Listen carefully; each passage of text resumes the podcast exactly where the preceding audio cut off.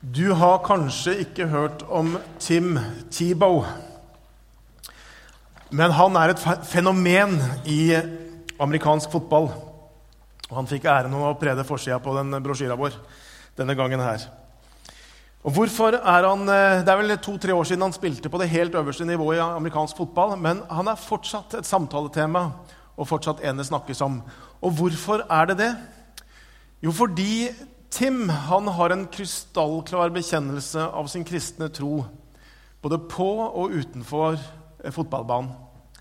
Eh, og på fotballbanen er det sånn at når han har scora en touchdown, så feirer han alltid målet ved å bøye sine knær og takke Gud. Eh, og så heter han T-bow. Så det å bøye sine knær for å feire målet, det kalles jo bare T-bowing nå. Så det var litt flaks. Og så maler han alltid et bibelvers i krigsmalinga i ansiktet. Og her så står det Filipperne 4,13.: Alt makter jeg i Han som gjør meg sterk. Tim Tebow han har et stort engasjement også utenfor fotballbanen. Og han lever virkelig det som han snakker om. Eh, de sier at han mista plass på et av de beste lagene pga. at han er så krystallklar på sin tro. Eh, det sto et sted at eh, det var en kjæreste som slo opp med han fordi han ikke ville gå på kompromiss med det han trodde på. Eh, noe av det viktigste, noe av det største engasjementet han har, det er å bygge opp et barnehjem eller flere barnehjem i Filippinene, hvor han også har vært misjonærbarn. Og Han sa det til noen studenter som han hadde en tale for i 2013. så sa han, Amerikansk fotball det er jo egentlig bare et tullete spill. Det som virkelig betyr noe, det er jo at vi er med og hjelper mennesker. Vil du bli noe, Vær en tjener. Hvis du virkelig vil bety noe her i verden, så vær ydmyk. Så det sier noe om det fokuset han har. Og så har Tim Tebow han har et sånt livsvers som han maler i ansiktet sitt hver gang han skal gå ut i sine livskamper. Og så har vi en taleserie her som handler om livsvers. Hva er mitt livsvers, og hva er ditt livsvers? Hva er våre livsvers som vi billedlig talt maler i vårt ansikt når vi skal gå inn i våre kamper? Det er egentlig det denne serien her handler om. Og når jeg skulle velge et sånt vers, så sto nok det mellom noen litt forskjellige vers. Um, og I ulike faser så er det ulike bibelsteder ulike bibelvers som har betydd uendelig mye for meg. Men jeg landa på det som kanskje er det som har på en måte fulgt meg veldig lenge. Kanskje fra sted midt i tenårene så har det virkelig vært et sånt avsnitt som jeg har landa livet mitt i. Det har vært en bærebjelke for min tro og for mitt kristne liv. Og det skal jeg få lov til å dele med dere i dag. Og det har jeg gleda meg veldig til. Nå skal vi lese det sammen. Noen fantastiske vers fra Feserbrevet kapittel 2 og fra vers 8. For av nåde er dere frelst ved tro. Det er ikke deres eget verk, men Guds gave. Det hviler ikke på gjerninger, for at ingen skal skryte av seg selv. For vi er Hans verk, skapt i Kristus Jesus til gode gjerninger, som Gud på forhånd har lagt ferdige for at vi skulle vandre inn i dem. Slik lyder Herrens ord. Skal vi be om at Herren åpenbarer ordet for oss. Kjære Jesus, jeg takker deg for at du har samla oss. Takk at vi kan få lov til å være samla om Guds ord. Og så ber vi at Den hellige ånd i dag må få lov til å åpenbare ordet for oss, sånn at dette blir sant og virkelig og at det kan bære frukter i våre liv. I Jesu navn vi ber. Amen. Her leste vi at det er av nåde vi er frelst. Det er ikke våre eget verk. Det hviler ikke på gjerninger. Det er på ingen måte vår fortjeneste. Det er ingen grunn til å skryte av seg sjøl om man er blant de frelste. Det er det dette verset her virkelig understreker og tydeliggjør. Det er av nåde vi er frelst. Nåde er på mange måter noe overraskende. Nåde er jo å bli behandla med en ufortjent gunst. Det er å ikke få det vi hadde fortjent, men noe som er så innmari mye bedre. Det er Guds nåde. Som Leif Juster ville ha sagt det, det er mot normalt. Det er nåde.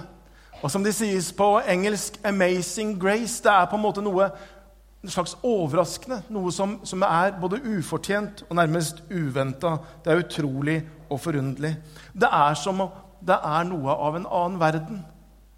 Og det er jo nettopp det nåden er. Det er noe av en annen verden. C.S. Lewis, forfatteren av Narnia-bøkene, han forteller det om sin egen prosess til å bli en kristen.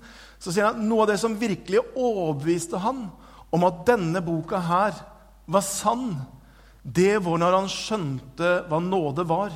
For han sa at det med nåde, det er det ingen som kan finne på. Det er ingen som kan tenke ut det. De er bare nødt til å være Gud, sier han.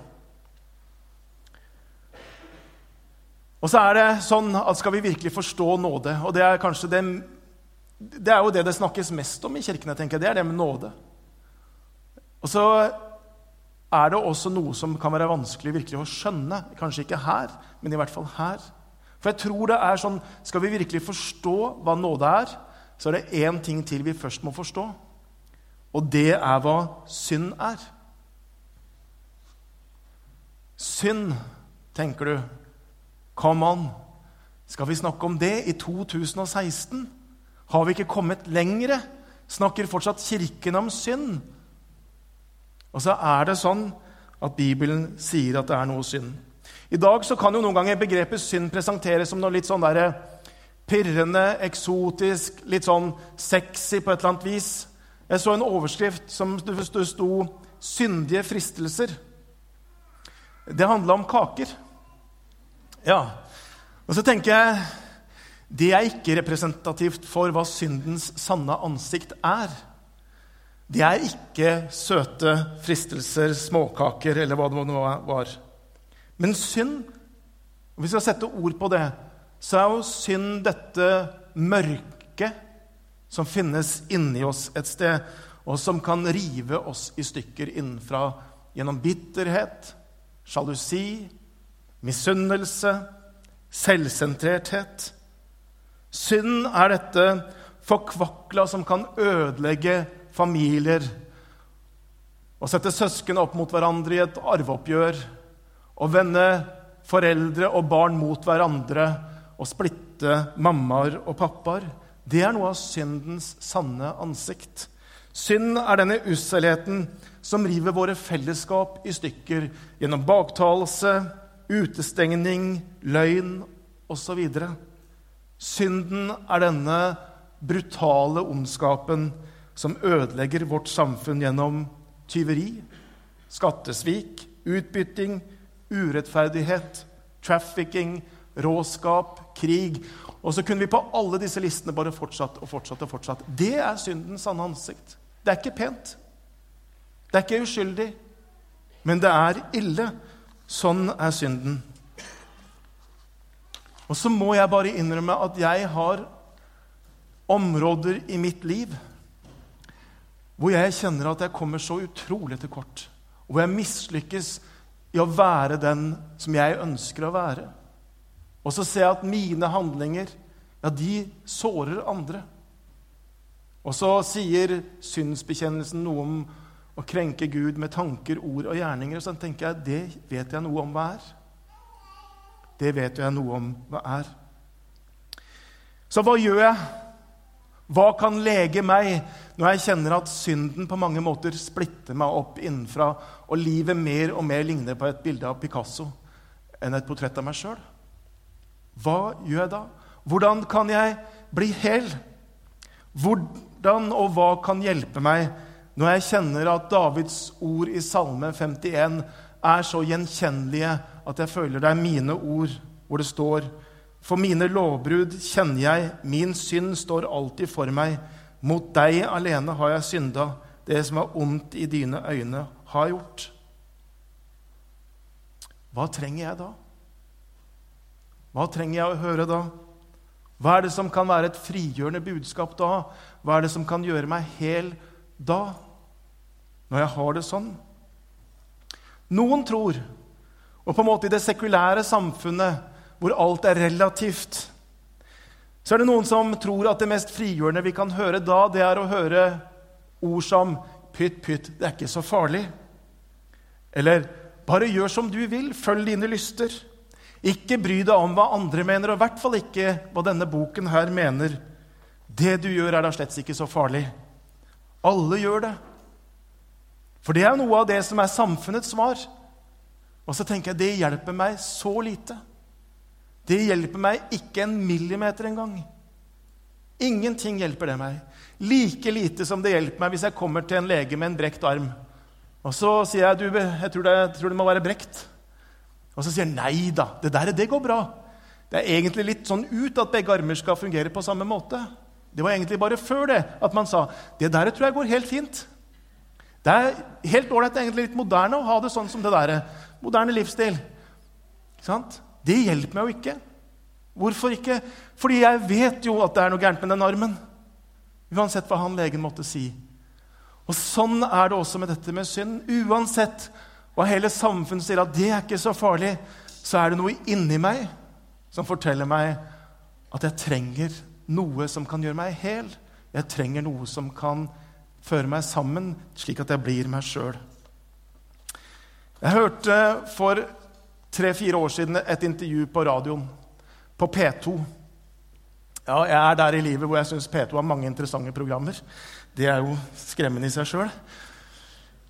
Men det var faktisk et veldig interessant program på P2 denne gangen. her. Det var en kvinne som ble intervjua om porno. Og denne kvinnen jeg eh, fikk ikke med meg navnet og ikke funnet det senere. Hun forteller sin historie. Hun sier at hun i en god tid så hadde hun vært en av de som var en slags forkjemper for å alminneliggjøre pornografi. Eh, og det å bruke pornografi. Hun hadde stilt opp i mange TV-debatter. Og hun hadde skrevet artikler liksom, om hvor bra det var å liksom, alminneliggjøre det, ufarliggjøre det og si at dette er greit. Og så hadde noe skjedd i hennes liv som gjorde at plutselig så hadde hun snudd helt om. Og når hun ble intervjua, var hun med i denne kvinnegruppen Ottar, som jo bl.a. kjemper mot det. Og så var det én ting som sa, som, som jeg beit meg merke i, som fortalte om hva var det som gjorde at hun hadde forandra det. Og Det var ikke noen sånne objektive ting, det var noe inni henne. For hun sa følgende Hun sa hver eneste gang jeg så porno, så kjente jeg at jeg skamma meg så veldig. Så hun, og så forsøkte jeg på en måte å løse det ved å liksom si høyt og tydelig at dette er bra. Jeg forsøkte å alminneliggjøre forsøkte liksom at samfunnet skulle godta det. Og så sa hun det var for å deale med skammen. Og så sier hun men det hjalp aldri. Og så var det ingenting som tyda på at hun verken var eller hadde blitt kristen. Men her hadde hun hatt en omvendelse. Og så valgte hun et helt annet spor. Og så tenker jeg ja, er det ikke sånn det ofte er? Det er noe dypt inni oss som kan fortelle noe om hva som er rett og hva som er galt, selv om hele samfunnet sier noe annet. Det er en stemme inni oss. En av de gamle kirkefedrene han sa at dypt, dypt inni oss et sted så finnes det en gudsbilledlighet, sånn at min vilje der nede og Guds vilje er den samme. Så hva kan sette oss i fri? Ja, ikke det at det er ikke så farlig, eller at alle gjør det. Det er absolutt ikke det som setter oss fri. Men det som setter oss fri, det er å få lov til å møte nådens budskap. Det som setter oss fri, er å få lov til å høre at du er tilgitt. Det setter oss fri. Men dersom vi bekjenner våre synder, ikke bagatelliserer, ikke unnskylder, men bekjenner de, så er Han trofast og rettferdig, så Han tilgir oss syndene og renser oss fra all urett. Budskapet om at vi er syndere, det er faktisk et frigjørende budskap. Jeg holdt på å si heldigvis er det det. For da finnes det nemlig en løsning. Da går det an å gå til Gud og få hans tilgivelse. Heldigvis så er vi syndere, og vi kan få hans tilgivelse. Og jeg vet ikke om noe som er bedre, som er mer frigjørende, som er mer helbredende enn faktisk det å oppleve at man blir tilgitt. Kjenne at skuldrene senker seg. Man puster lettere. Det er det nåden gir oss. Ikke fordi vi lover å skjerpe oss, men rett og slett fordi at Jesus han døde i vårt sted. Rett og slett fordi at Gud han skjenker oss sin nåde. Nåden er det som frelser, som helbreder oss og setter oss i frihet. Det norske ordet for å være frelst, det betyr egentlig å være frihals Du vet når, I norrøn tid, når de hadde slaver med lenker rundt halsen, så ble lenken overskåret, og så ble de frihals. De ble frals, de ble frelst. Nåde betyr å bli fri. Og det greske ordet for å få frelse kan også bety å bli helbreda. Det betyr å bli gjort hel. Så dette Picasso-bildet av et splitta liv, det er det Gud setter sammen med sin nåde. Det er hva det vil si å være frelst Å bli gjort hel. Synden splitter. Synden gjør oss ufri, men det er Guds nåde som frelser, som gjør oss fri, og som gjør oss hele. Det er det dette verset handler om. Og så er det sånn at Nåden ikke bare setter meg fri fra synd, men nåden setter meg også fri fra min sånn grunnleggende iboende trang til å gjøre meg fortjent til å være innenfor med Gud. Jeg vil gjerne egentlig gjøre det sånn at jeg fortjener å være frelst eller innenfor med Gud. Jeg vet ikke åssen det er med deg, men jeg innrømmer det. Jeg hater å spørre om veien. Om jeg aldri så mye kjørt meg vill eller er på ville veier, det å stoppe og spørre noen om veien Nei, det ligger ikke for meg. Jeg vil ikke det. Eh, det, det føler, det er, Nei, da kjører jeg heller meg vill enda mer. Det er heller ikke så naturlig for meg liksom, å be noen om å hjelpe meg. Kan du hjelpe meg her? Jeg vil helst greie det sjøl. Og liksom, det å måtte stå i gjeld til noen Noen har hjulpet meg. Ja, det er også en litt sånn ubehagelig følelse. Er jeg stolt? Ja, kanskje litt. Eller kanskje litt mye. Og vi er gjerne det. Og det med å være stolt det, opp, det, må føres opp på lista over ting jeg ikke er så veldig stolt av.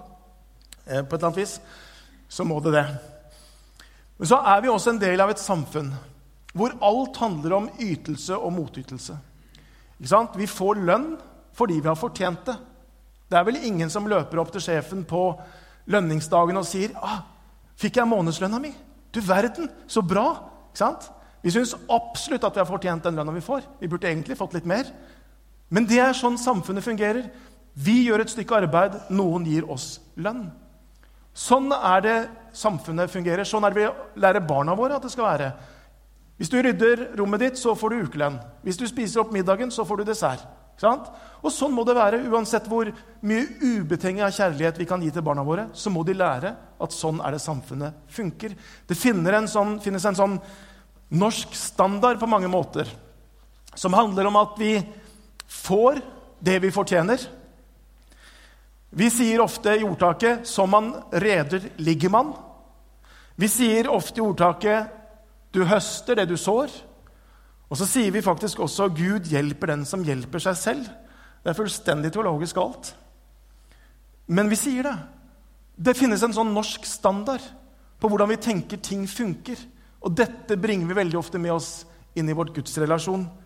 For spørsmålet er jo om det finnes en annen standard. Finnes det en annen måte å forholde seg til dette på?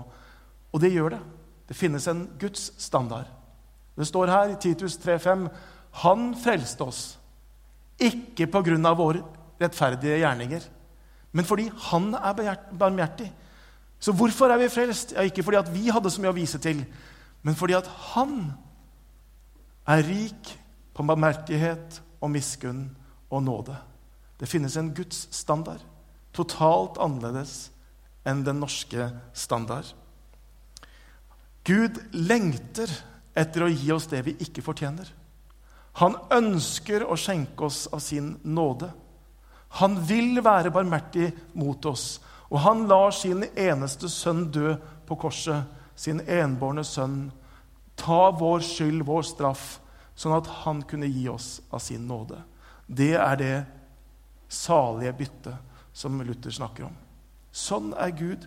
Det er det Gud vil. Og Problemet er jo at hvis vi glemmer hva nåde er, ja, så blir det så mange ting i livet som blir skeivt. For da tror vi at det er fordi at jeg lever sånn og sånn, at Gud vil frelse meg. Og Enten så fører det oss til at vi kjenner oss mislykka og føler at Gud han er aldri fornøyd med meg. Han, han, det er som en lærer som bare sender de der stilene med masse rød skrift på. Ingenting av det jeg gjør, er riktig. Da får vi et sånt forhold til Gud. Og hvis vi er det at vi tror vi faktisk får det til, ja, så blir vi håndmodige og ser ned på andre og blir forestistiske. Eller det kan føre til at vi ser på andre mennesker og så syns vi at de får så mye mer av Gud. Jeg husker jeg var tenåring, og så var det da noen som jeg hørte som, hadde, som var nyfrelst.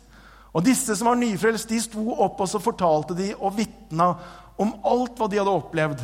De fortalte om at de hadde hørt Guds stemme, at de hadde fått tungetale, at de hadde erfart Gud sånn og sånn.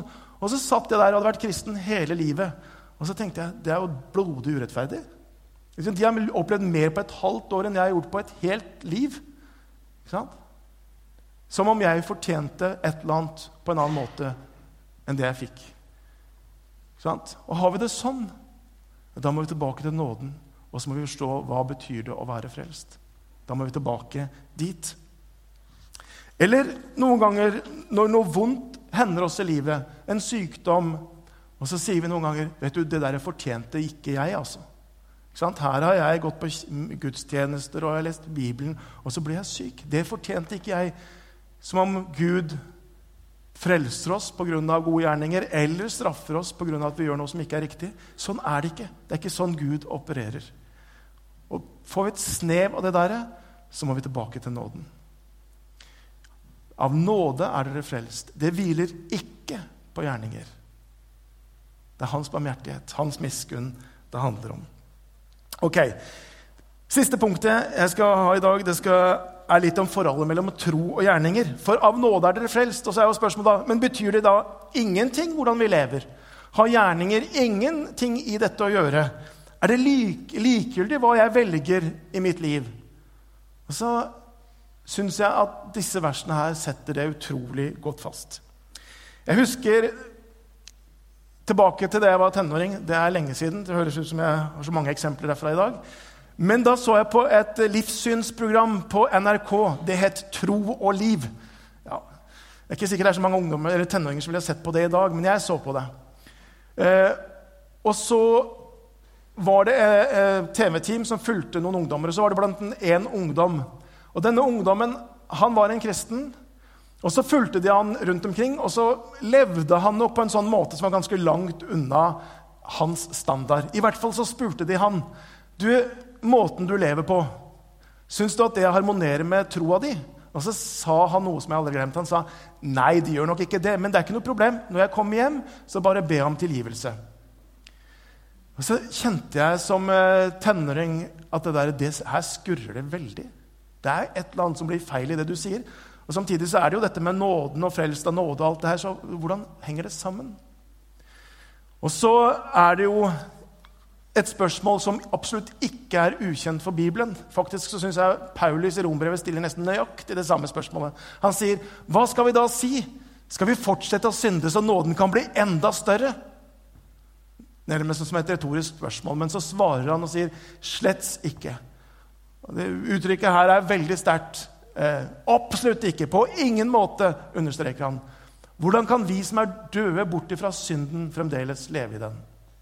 Det er ikke sånn.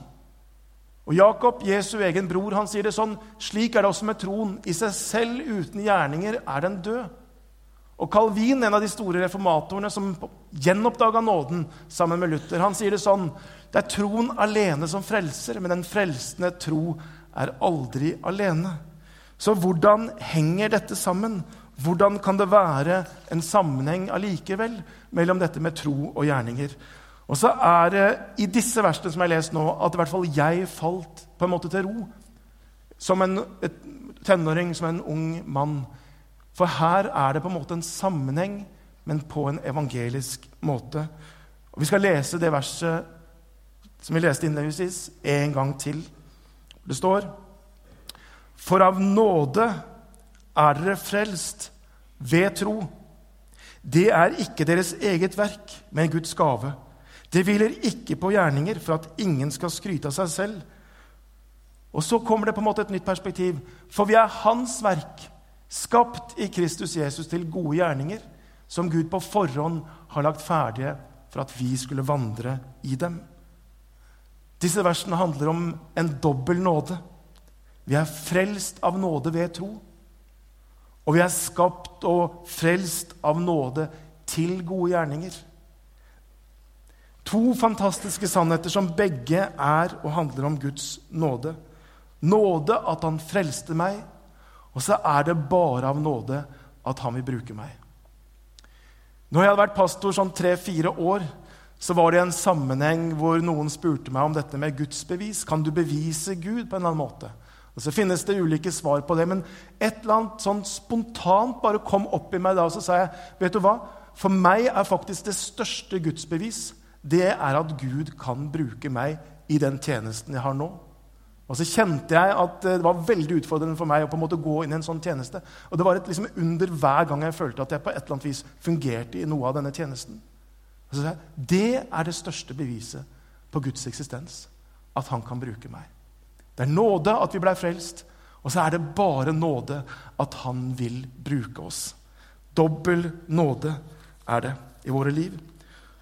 Og så er det dette at hvis jeg virkelig skjønner hva synd er, jeg skjønner hva jeg egentlig fortjener, og så ser jeg på en måte virkelig tar inn at Jesus dør i mitt sted, at Gud behandler meg med sin nåde Hvis jeg virkelig forstår det, vet du, da fører det meg aldri inn i liksom sløvhet og avstand fra Gud. Men tvert imot. Da fører det meg dit at jeg har lyst til å gi ham alt. Hele mitt liv alt hva jeg er, alle mine ambisjoner, fordi jeg vet hva han har gjort mot meg. Når vi blir der at vi begynner å tenke du, hvor langt unna Jesus kan jeg komme og samtidig være en kristen, så tenker jeg det vi først og fremst har mista taket på da, det er hva nåde er. Nåden fører oss alltid inn mot Jesus, inn i dette. Disse versene her, som er på skjermen, kan jo se ut som en en en selvmotsigelse. Det er i hvert fall en spenning her. Det, er liksom, det hviler ikke på gjerninger på den ene siden, og på den andre siden så er vi skapt til gode gjerninger. Det er en spenning. Det er nesten en selvmotsigelse. Hva er det? Hvordan kan vi forstå det, og hvordan løse det? Tenk deg to gutter. Begge to er omtrent like gamle. Begge er i like god fysisk form. Begge arbeider hardt med fysisk arbeid på en gård. Det pløyes, det såes, det høstes. Det gir god vekst, en stor avling som skal inn i hus. Begge gjør det samme. De jobber side om side. Begge er like slitne. Begge arbeider lange dager. Men det er én stor forskjell. Og han ene han ser du liksom er i sitt livs flow. Han har et smil om munnen, og selv om det er slitsomt, så jobber han lett. Han er i flytsonen. Den andre han blir bare trøttere og trøttere og trøttere og lurer på hvordan kan jeg snike meg unna, hvordan kan jeg unngå å gjøre alt dette jobben. Hva er forskjellen på de to? Jo, han ene han er en tjener. Han får lønn per dag. Den andre han er arving til hele eiendommen. Han gleder seg over den store høsten. Tjeneren skulle ønske at det var skralt, sånn at det ble mindre å gjøre. Ser du forskjellen? Hva er det vi er? Jo, vi er arvinger. Vi er arvinger til alt dette som er Guds rike. Den hjemmeværende sønnen han fikk høre i Lukas 15 av far, og det er Guds ord til oss alt mitt er ditt. Alt mitt er ditt. Vi er arvinger. Det er vårt utgangspunkt. Og så kan vi få lov til å bli brukt inn i den tjenesten vi har. Om du er virkelig grepet nåden, vet du, da faller alt annet på plass. Da er det så mange spørsmål, så mange ting, så mange spenninger i livet som på en måte faller på plass. Det blir helt, det blir fritt, det blir rikt. Nåden forandrer alt. La deg forvandle av nåden, skal vi be. Kjære Jesus Kristus, jeg takker deg for din frelse. Takker deg for at du vil gjøre oss hele. Du vil gjøre oss fri, Jesus. Takker deg for din frelse. Og så bare fryder og gleder jeg meg over din nåde, som er så rik mot oss. Og så ber jeg at du må virkelig lære oss det. Hva nåde er, og hva nåde betyr. La det bli mer enn hodekunnskap. La det bli noe som gjennomtrenger hele vår personlighet. I Jesu navn jeg ber. Amen.